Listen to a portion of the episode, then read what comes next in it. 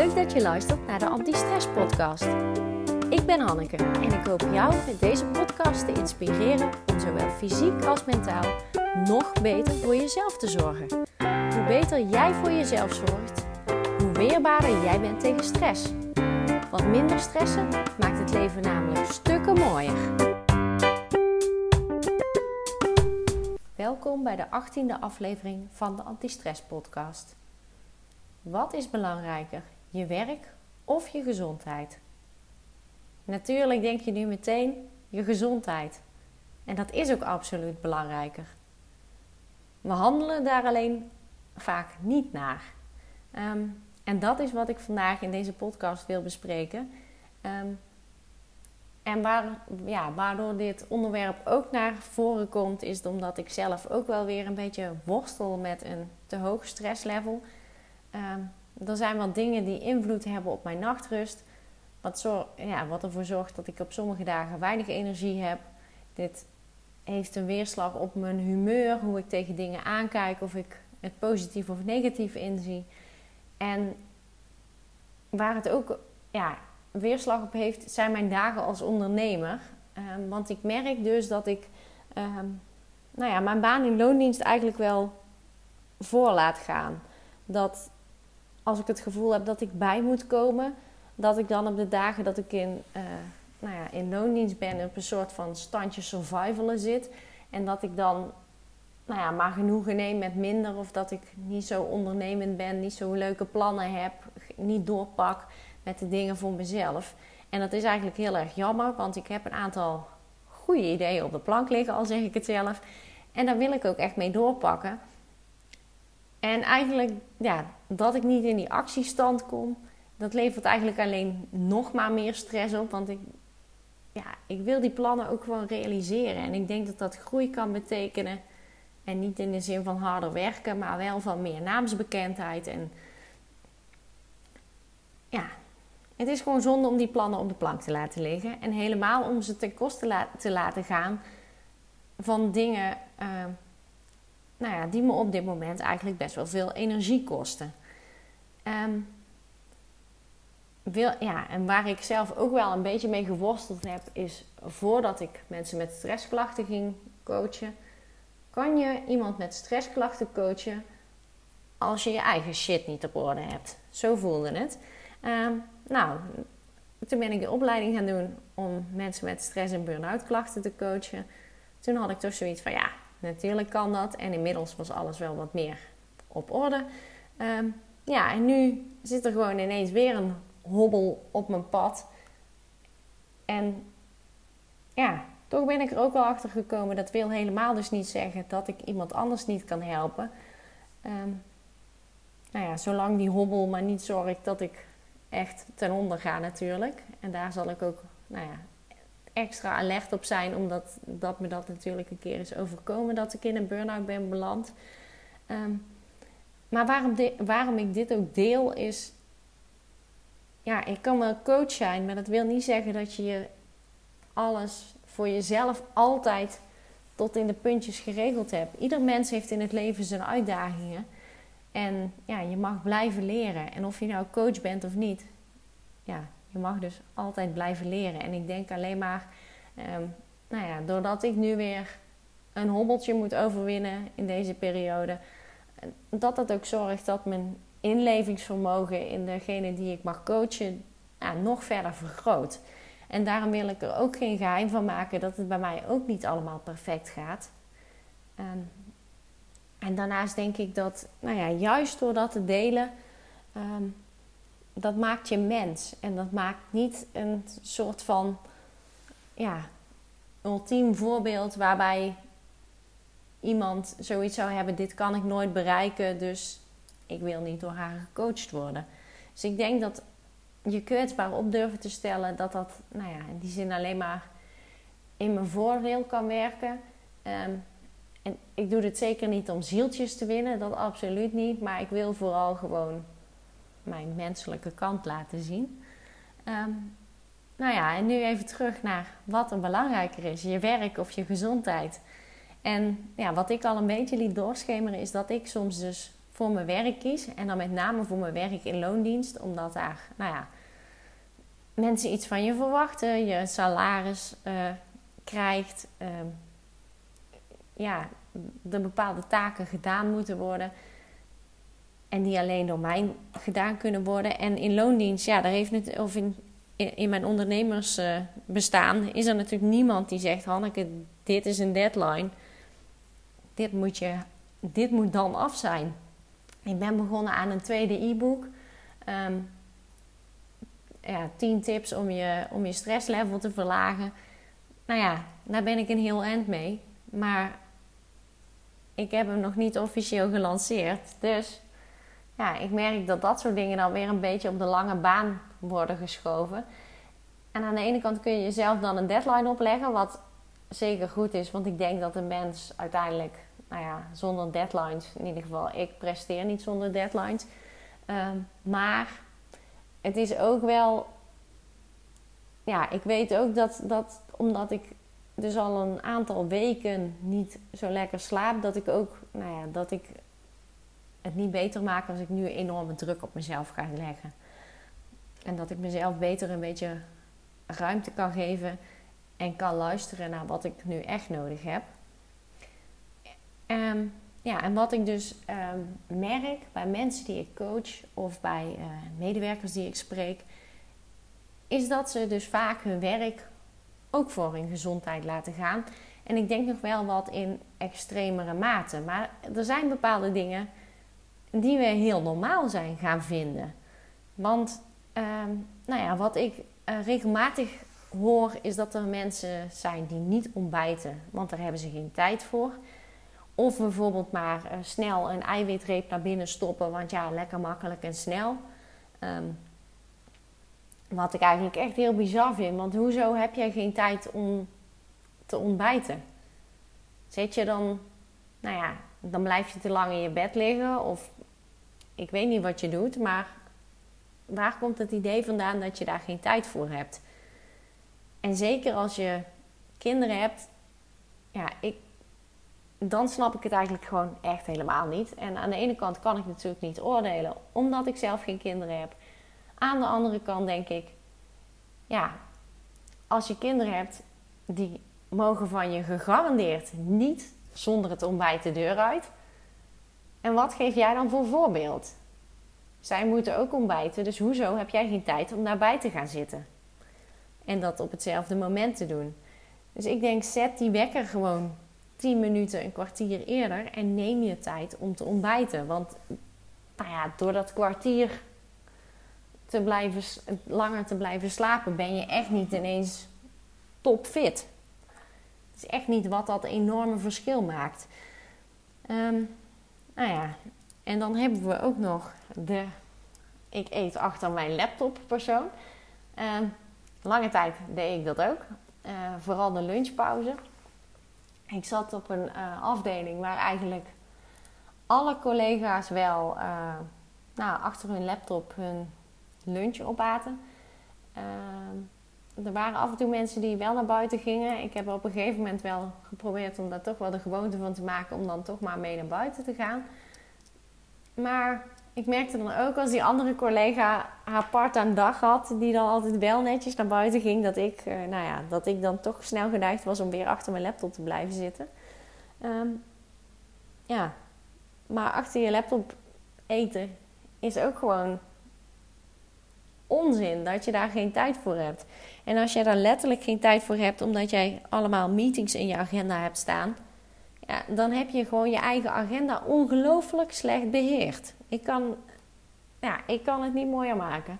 Want als jij alleen maar meetings hebt achter elkaar door, hoezo sta je dat toe? Hoezo blok jij niet ergens een stukje omdat je even moet lunchen, even je mail moet lezen, even ergens iets uit moet werken? Dus als je letterlijk echt geen tijd hebt omdat je hele dag ramvol zit, dan heb je gewoon je agendabeheer niet op orde. Dan laat jij je leven door wat andere mensen in jouw agenda schieten. Um, en als jij achter je, uh, achter je computer eet, is dat slecht voor je spijsvertering. Omdat je aandacht is niet volledig bij je maaltijd. En dat werkt ook zo met als je tv kijkt. Maar ik denk dat uh, ja, achter je laptop aan het werk zijn is nog een tikkeltje inspannender. Of ja, daar moet je je nog wat meer voor concentreren. Dat mag niet verkeerd gaan ten opzichte van wanneer je bijvoorbeeld tv kijkt. Ehm, en het is niet alleen slecht voor je spijsvertering, ehm, maar het is ook slecht voor je verzadigingsgevoel.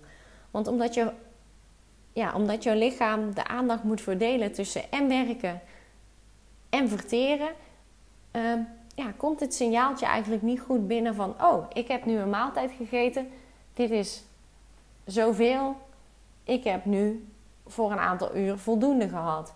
Dus de kans dat jij hierdoor ja, weer opnieuw trek krijgt, of denkt dat je trek hebt, ehm, die is groter. Omdat je lichaam eigenlijk niet goed heeft kunnen registreren wat er binnen is gekomen. Ehm, en dit kan dus ook veroorzaken dat je uiteindelijk dus meer gaat eten dan je werkelijk verbrandt. Wat tot gevolg heeft, als je dat structureel doet, dat je aankomt. Dus ook als je, nou ja, als je broek een beetje strak zit en daar wil je graag van af, dan zul je misschien niet denken dat het eerste wat je kan helpen is pauzes inlassen. Maar het is absoluut iets wat je kan helpen, omdat je dan met meer aandacht je maaltijd eet. Wat dus goed is voor je verzadigingsgevoel. Ehm, nou, dan hebben we nog het naar buiten gaan op een werkdag. Ehm, vandaag deed ik de voordeur open. Toen begon het echt enorm te plensen. Toen stond ik daar en toen dacht ik, ja, kan ik nu een capuchon opzetten? Want ik wil eigenlijk mijn ja, rondje wandelen me niet laten ontnemen. Dus ik stond daar eigenlijk nog zo'n halve minuut een beetje te twijfelen van ja, wat ga ik nu doen? En toen stopte het ineens weer. Het was echt, ja, het, was best wel bijzonder. Want het begon heel hard te regenen en het begon ook in een minuut. Dus stopte het bijna weer. Dus ik heb me het rondje niet laten ontnemen. En ik ben toch gaan lopen. En ik plaatste daarover iets op mijn Instagram stories. En ja, dat was ook eigenlijk de aanleiding om deze podcast op te nemen. Want ik dacht, ja, hoezo laten we ons snel, zo snel weerhouden om dat rondje te lopen? Um, want naar buiten gaan op een werkdag, ja, dat kost tijd. Zoals een hele hoop. Um, maar toch, uh, het zorgt ook voor dat je, nou ja, doordat je even iets anders doet en doordat je letterlijk even in beweging komt, dat je daarna weer meer focus hebt. Um, en waardoor nou ja, de kans op fouten en dat je echt een inkakker krijgt na je lunch ook veel kleiner is. En ja, die 10 minuten, die, nou ja, ik zou op zich aanraden om meer dan 10 minuten te gaan lopen. Maar die 10 minuten in de ochtend, want ik wandel dus altijd even voor het werk. Uh, tijdens de lunchpauze, ja, ik denk een minuut of 20, 25.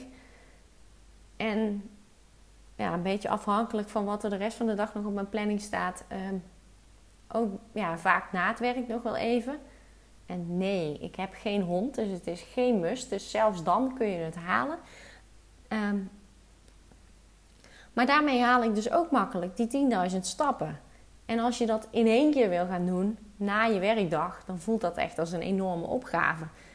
Ehm, maar door dus even in beweging te komen, even te gaan lopen, ja, zorg je dat jouw hoofd even een beetje tot rust komt. En denk je nou echt dat die ommetjes naar buiten, dat even die pauze, dat die, nou ja, dat die lunchpauze en nog even 10 minuutjes in de middag achter je laptop uit. Denk je nou echt dat die, wat jij aan het doen bent, dat, dat zorgt dat het niet kan, kan lukken? Dat je daardoor je deadline niet haalt? Of dat je daardoor, dat jij geen promotie kan maken omdat jij... Uh, ja, omdat jij je pauzes hebt genomen en niet hebt doorgewerkt.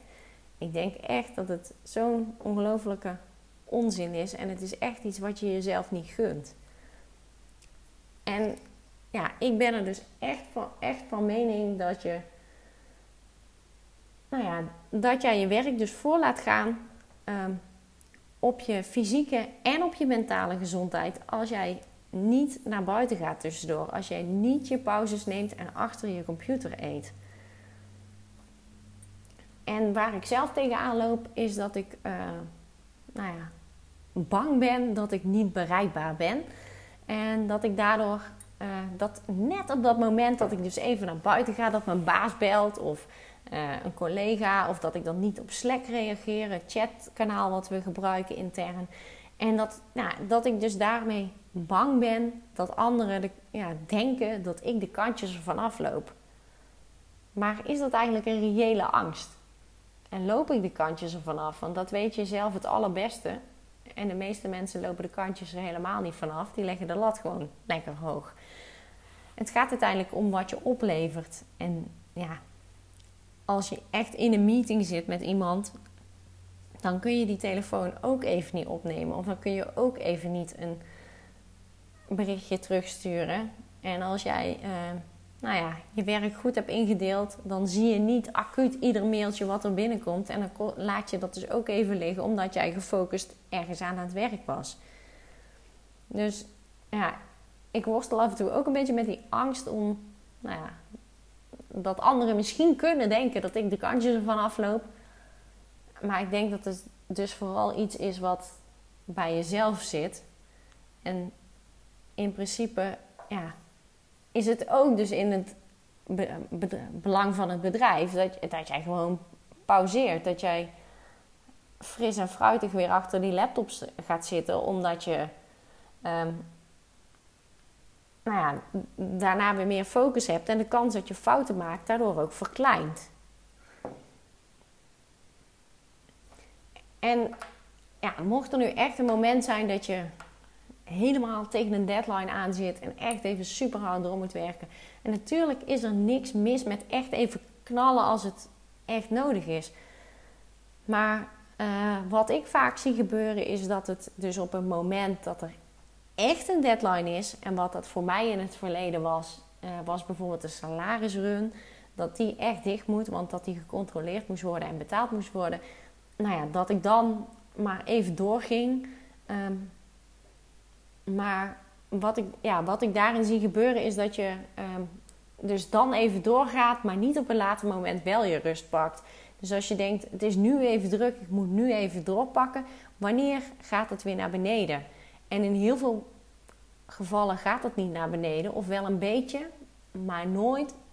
Ja, het, het kan wel drukker worden, dus meer dan 100%, maar het gaat nooit minder dan 100% worden. Ja, en dat, dat is iets waar je heel erg voor moet waken. En waardoor ik dus eigenlijk voorstander ben van ook als je het idee hebt van ja, ik moet nu echt boven die 100% presteren. Denk ook aan jezelf. Denk aan je eigen gezondheid. En zorg dat je pauzes houdt, dat je ontspant, dat je na je werk gaat sporten. Want het is ook zoiets. Ik heb geen tijd om te sporten, want ik moet overwerken. Hoezo is overwerken belangrijker dan jouw lichaam onderhouden? Want ja, sporten zie ik vooral als lichamelijk onderhoud, maar ook ehm, nou ja, mentaal onderhoud. Want door echt even intensief te bewegen, kun je eigenlijk niet nadenken. En dat zorgt dat alles in je hoofd weer even rustig wordt. Dus het is eigenlijk even de resetknop van je hoofd. Dus hoezo is overwerken, is dat ene taakje, is dat belangrijker dan kunnen gaan sporten? En natuurlijk kan het dus eens voorkomen dat je inderdaad moet overwerken, dat je moet zorgen dat er echt iets af is en dat je die sporten eventjes overslaat. Maar zorg dan dat je op een ander moment tijd krijgt om het wel te doen. En neem dus op een ander moment bewust een stapje terug. Want wat we geneigd zijn om te doen is, nou ja, normaal 100% van onszelf te geven. Komt er dat niets bij, dan gaan we meer dan 100% inzet geven. Maar eigenlijk zakken we nooit af naar die 80. En als je nooit afzakt naar die 80, ja, dan verbruik je dus eigenlijk meer dan dat je hebt. En het punt is dan dat je dus leeg kan lopen. En dat is iets wat we enorm onderschatten. En ja, wat ik denk dat we ook in zijn geheel dus onderschatten. Hoe belangrijk het is om gezond te eten, pauzes te nemen, te ontspannen, even niks te doen. Dus ook niet op je telefoon te kijken. En toch twee keer per week te gaan sporten. Ja, twee keer per week. Ehm, dus ik ben benieuwd, als je dit zo hebt gehoord, wat is er belangrijker? Je werk of je gezondheid? En wat ga jij veranderen vanaf nu om nog meer voor je gezondheid te kiezen?